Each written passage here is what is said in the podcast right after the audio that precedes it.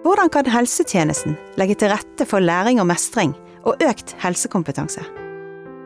Mestring er en individuell prosess uten oppskrift. Men kan vi vise til noen stier som andre har gått opp? Velkommen til Spor av mestring, en podkast i regi av Nasjonal kompetansetjeneste for læring og mestring innen helse. Mitt navn er Hilde Blindheim Børve.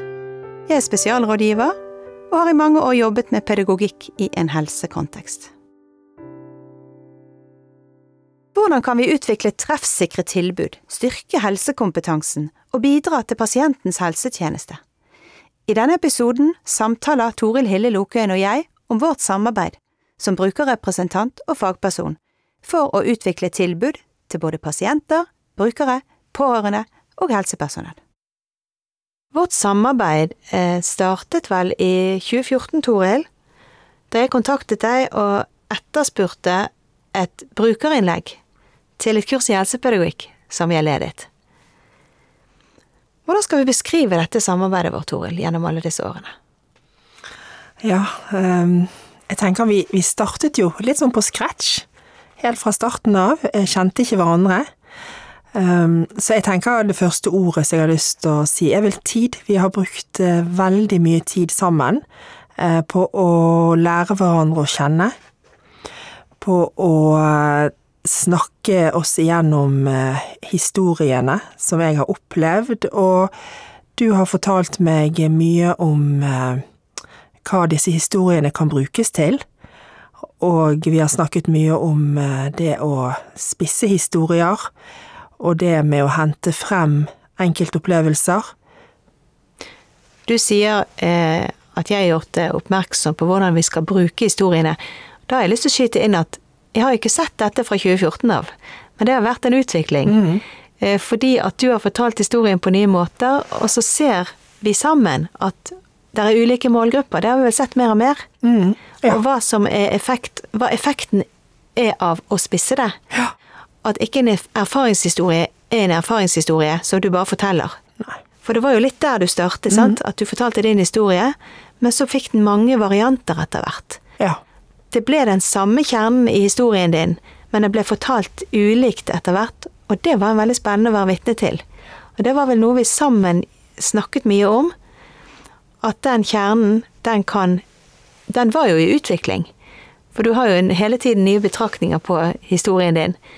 Men at den har ulike målgrupper, det har vært veldig spennende å, å se effekten av å spisse den. Mm. sant? Ja, og så begynte vi jo Altså, jeg husker i hvert fall de første gangene som jeg ble invitert inn i dine kurs, eh, så holdt jeg erfaringshistorie, og da holdt jeg det som et innlegg. Um, for da kjente ikke vi hverandre så godt. Og så etter hvert som vi ble bedre kjent, så eh, snakket vi om kanskje vi kunne prøve det som en dialog.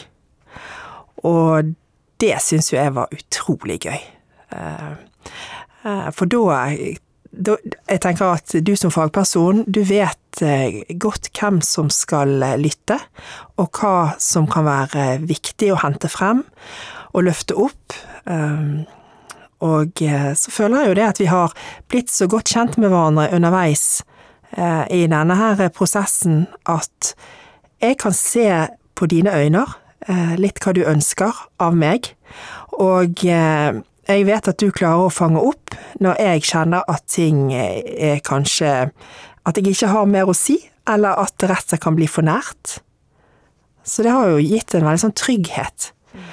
Men eh, jeg tenker det er viktig å huske på at det kom ikke av seg sjøl. Jeg tenker, Toril, at vi har, eh, har og har hatt ulike hatter og ulikt perspektiv og det gjør at vi utfyller hverandre veldig bra. Ehm, jeg tror at pasienter, brukere og pårørende, de trenger noe. Og fagpersoner trenger noe annet. Og det har vi blitt veldig oppmerksom på i dette samarbeidet vårt. Og jeg opplever at disse dialogiske oppleggene våre, innleggene våre, foredragene våre, kall det hva du vil, de er bevisstgjørende, har vi erfart. Og i mange tilfeller så ehm, ser vi en holdningsendring, både hos brukere og pasienter, og ikke minst eh, fagpersoner. Ja. ja. det er jo det som gjør det så inspirerende og spennende å, å holde på med dette her. Um, men det er klart at um, det er klart at det som vi to har eh, på en måte fått til sammen, eh, det, det er jo det er, jo, det, det er jo som jeg sa, altså det kommer jo ikke av seg sjøl. Det har bygget seg opp. Og jeg kjenner i hvert fall som brukerrepresentant at jeg er nok litt avhengig av eh, å, få, og få, den tilliten som jeg har fått til deg, for at jeg skal kunne gjennomføre et innlegg som en dialog. Og jeg opplever jo at du har møtt meg med veldig respekt, og et veldig sånn ønske om at jeg skal eh, føle meg og oppleve meg ivaretatt. Eh, og det har jeg jo gjort hele tiden, sant. Du har jo veldig sånn tanke for å gi meg veldig tilbakemelding på at det som jeg formidler er faktisk viktig. Og det gjør jo at jeg tør å slippe meg løs, og komme litt nedpå, og faktisk være ærlig, og si det sånn som det er. Så det har vært eh, Det tror jeg er litt sånn avgjørende for eh, samarbeidet.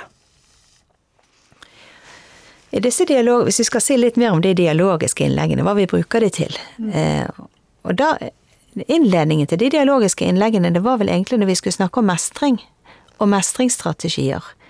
For da hadde jeg opprinnelig et innlegg alene om mestring og mestringsstrategier, og så slo det meg plutselig at her må jo være med noen andre som erfarer å bruke disse mestringsstrategiene. Og det skal jo sies at fordi om ikke jeg har verken psoriasis eller, eller astma, så bruker jeg jo mestringsstrategier gjennom livet, jeg òg. Det gjør vi jo alle mennesker. Men jeg hadde lyst at det skulle være mer troverdig. At ikke jeg som fagperson skulle stå og snakke om eh, alle disse ulike fine verktøyene og mestringsstrategiene. Så da inviterte jeg deg og Rigmor Berge, en annen brukerrepresentant, med. Og så hadde vi kan vel kanskje det kalle det dialogisk, eller triologisk, jeg vet ikke hva det heter når det er tre personer samtidig.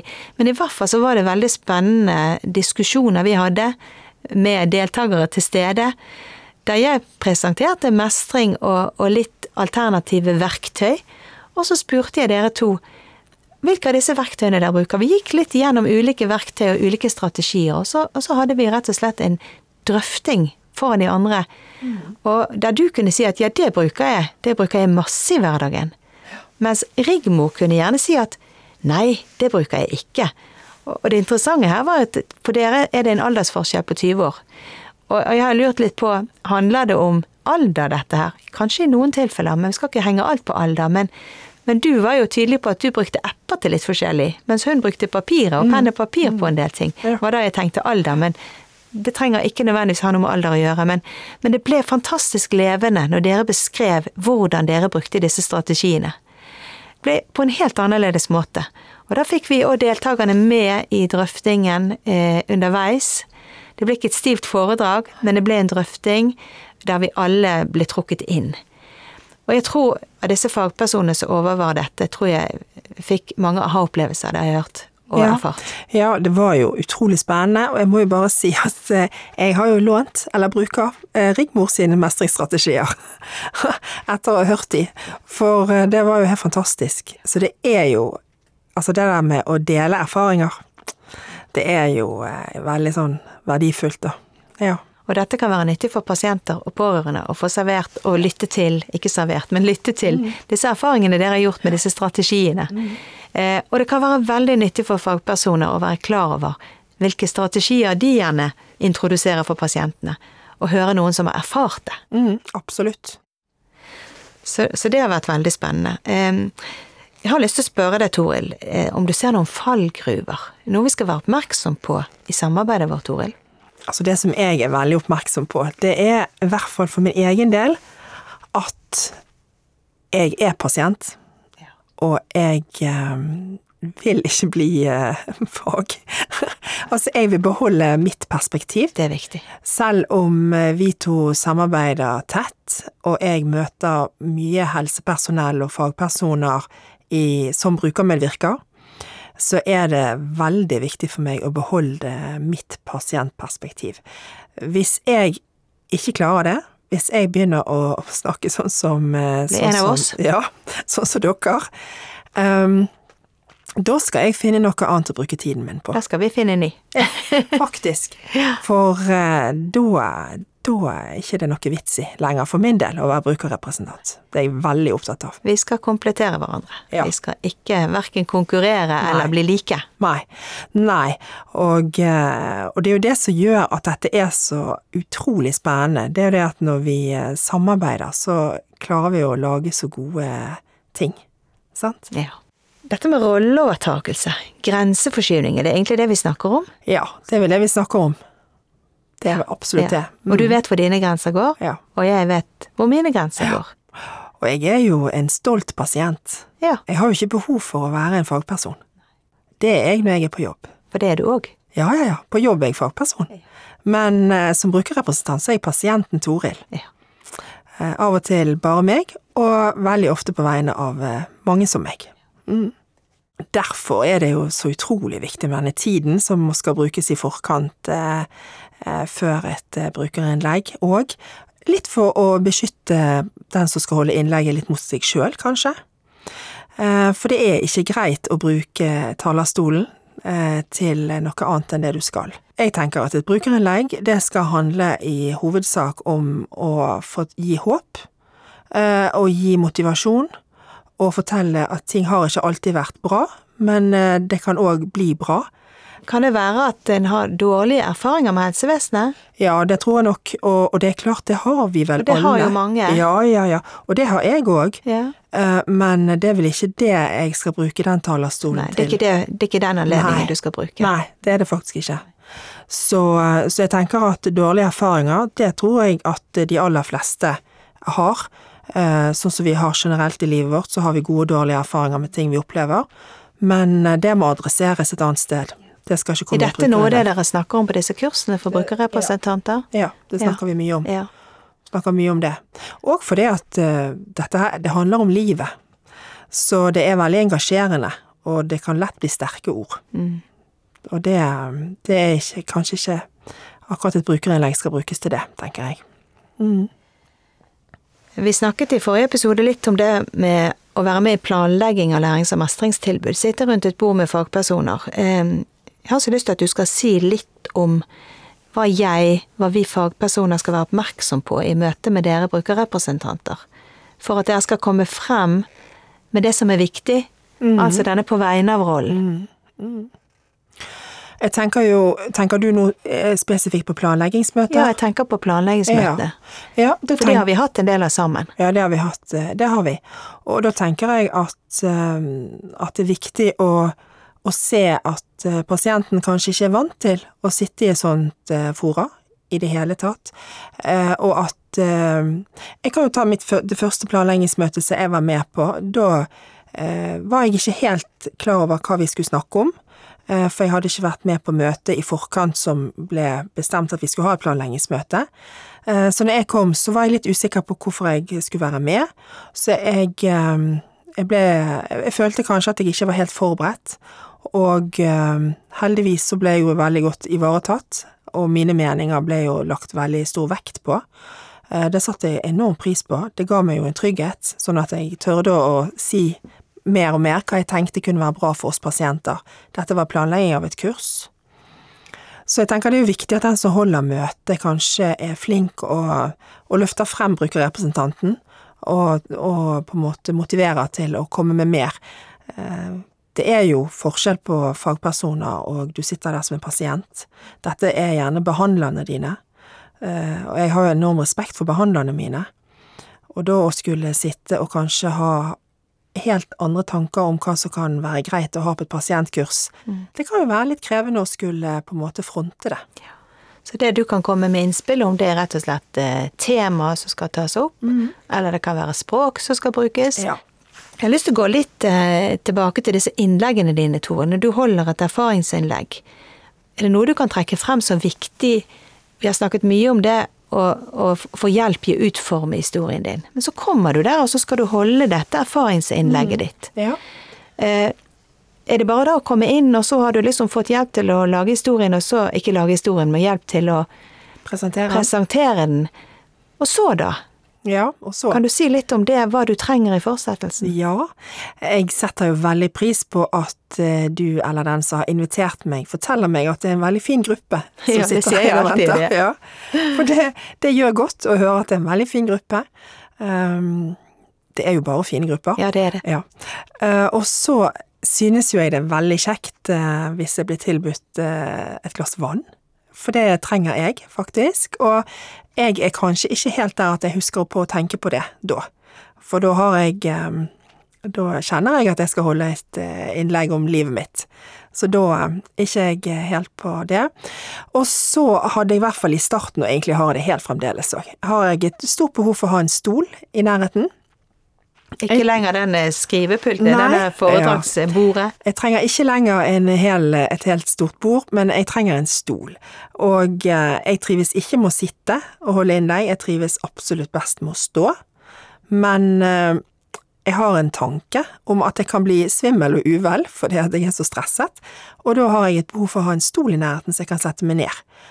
Nå har jeg aldri blitt svimmel og uvel, så, men jeg har stolen der, og det gir meg faktisk en veldig trygghet at den er i rommet, rett foran meg. Så har jeg et stort behov for å se den som har invitert meg. Jeg ønsker at eh, den er til stede i rommet, eh, har blikkontakt med meg, og eh, kanskje bekrefter meg litt når jeg er der. Hvor vil du jeg skal sitte da, Toril? Jeg vil at du skal sitte ganske langt fremme på ene siden, så jeg kan se deg. Um, og så er jeg opptatt av at vi i forkant har snakket om eh, dette hvis det kommer spørsmål, og det håper jeg jo alltid det skal komme spørsmål, men um, det må jo jeg òg kunne si, altså enkelte dager så er det ikke alle ting jeg eh, ønsker å snakke om, og enkelte spørsmål kan kanskje bli for privat, og da er det godt at jeg har sagt det til deg i forkant, at i dag kjenner jeg at jeg er litt sår, litt sårbar i dag, så kanskje ikke vi skal snakke så mye om det og det. Og da eh, er det godt når du er i nærheten, så kan du heller svare eh, hvis spørsmålene blir litt for vanskelig for meg. Og det avtaler jeg med deg i forkant, og det er viktig for meg. Og i oppsummeringen, og når du skal få spørsmål, så kommer jeg gjerne frem. Ja, Kjennes det godt, Ja, eller bør jeg ja. bare bli sittende? Nei, jeg synes det er veldig godt at du kommer frem, og at vi på en måte står der sammen. Og så eh, Jeg er litt sånn dårlig på sånne pinlige pauser, så jeg synes det er veldig kjekt hvis du har noen spørsmål, og da sier du gjerne Noen spørsmål på lur, tenker ja, du? du har noen spørsmål på lur, og så sier du gjerne sånn at eh, mange lurer på, og så kommer du med et spørsmål eh, som du vet at mange lurer på. Og da, da blir jeg litt glad, Ja. fordi at eh, jeg, jeg syns det er litt vanskelig hvis ikke det kommer spørsmål. Vi har en erfaring med det, Toril. Ja, det har vi. Kanskje jeg skal fortelle det? Ja, det syns jeg du kan. Ja. Eh, vi var sammen på et kurs i helsepedagogikk, og du hadde kommet eh, og skulle fortelle historien din. Og jeg hadde som vanlig sagt at eh, dette var en veldig fin gruppe, og det var det. Du fortalte historien din, eh, og eh, så inviterte vi deg etterpå om det var noen som hadde noen spørsmål. Og det var det ingen som hadde. Det var tyst. Det var litt langt på dag, det var en varm sommerdag, og ganske tett i rommet. Eh, og sånn som jeg kjente deg, så tenkte jeg kjære vene, her kommer det ingen spørsmål. Eh, vi må ha noe diskusjon, vi må ha noen avsluttende eh, En liten runde før Toril skal dra igjen, for du skulle dra tilbake etter innlegget ditt.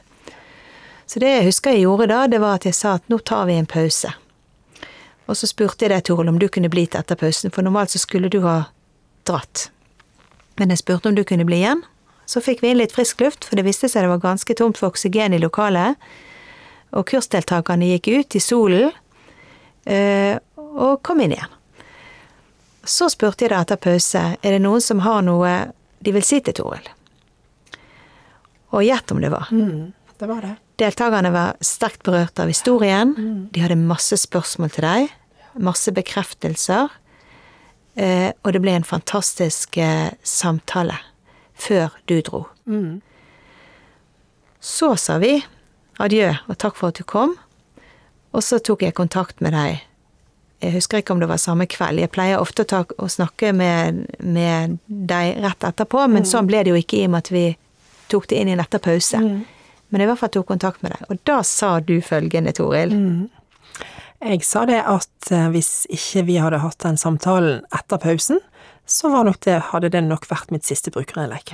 For hva satt du egentlig igjen med?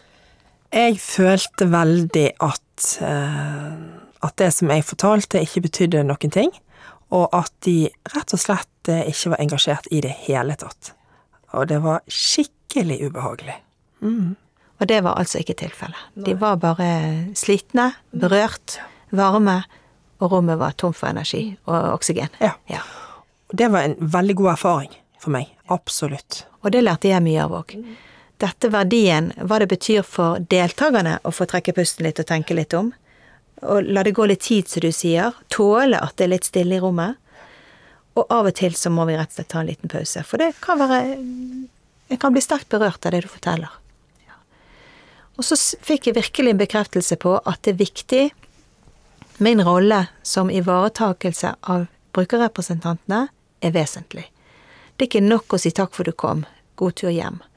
Men det å ta en prat i ettertid, og det kan gjøres på ulike måter. Noen ganger så blir det lagt opp til en liten pause, sånn som det egentlig var her, at vi tar en liten prat i, rett etterpå. Og hva trenger du å høre da, Toril? Nei, jeg trenger å høre at dette gikk veldig bra, og at, eh, at jeg eh, på en måte fikk frem budskapet mitt. Det kjenner jeg at jeg trenger å høre. Um, og det, det må jeg si, selv om jeg har gjort dette mange ganger, så er jo det, det er jo livet mitt jeg forteller om. Um, og eh, jeg eh, er jo fortsatt pasient, er, så det er jo på en måte noe som er pågående i livet mitt, dette her. Og det er ganske sånn Enkelte dager er det ganske tøft uh, å være brukerrepresentant og holde en pasienthistorie, sin egen. Det er det.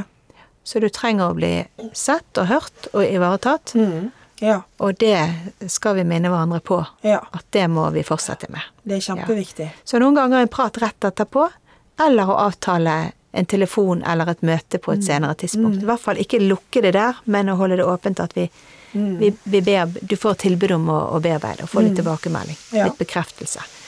Og kanskje òg spørsmål om ser du noe jeg kunne gjort annerledes neste gang? Hva var det som fungerte godt i dag? Absolutt. at en liten evaluering av, eh, av dette inn i settingen. Helt klart. Jeg har vært med og holdt eh, brukerinnlegg eh, hvor begge kurslederne valgte å gå ut av rommet. Um, ta lunsj, og den ene hadde hørt innlegget mitt før, så hun tenkte at det ikke var nødvendig å være til stede. Og det var ganske ensomt å stå der. Det var ingen god opplevelse for meg, og jeg eh, Jeg har faktisk ikke vært der flere ganger og holdt innlegg. Jeg kjente at det var Ja. Det, det ble Det var ikke greit. Nei. Og så er det òg vesentlig for den som eh, er gruppeleder, kursleder, å høre ditt innlegg for å kunne dra det med seg videre inn i, i det faglige i fortsettelsen av kurset. Så det er, det er viktig å være der og ha den røde tråden. At noen har den røde tråden. Både til støtte for deg, men òg for å dra kurset videre i den retning. Takk, Toril, for en fin prat om vårt samarbeid. På gjenhør til nye samtaler om spor av mestring.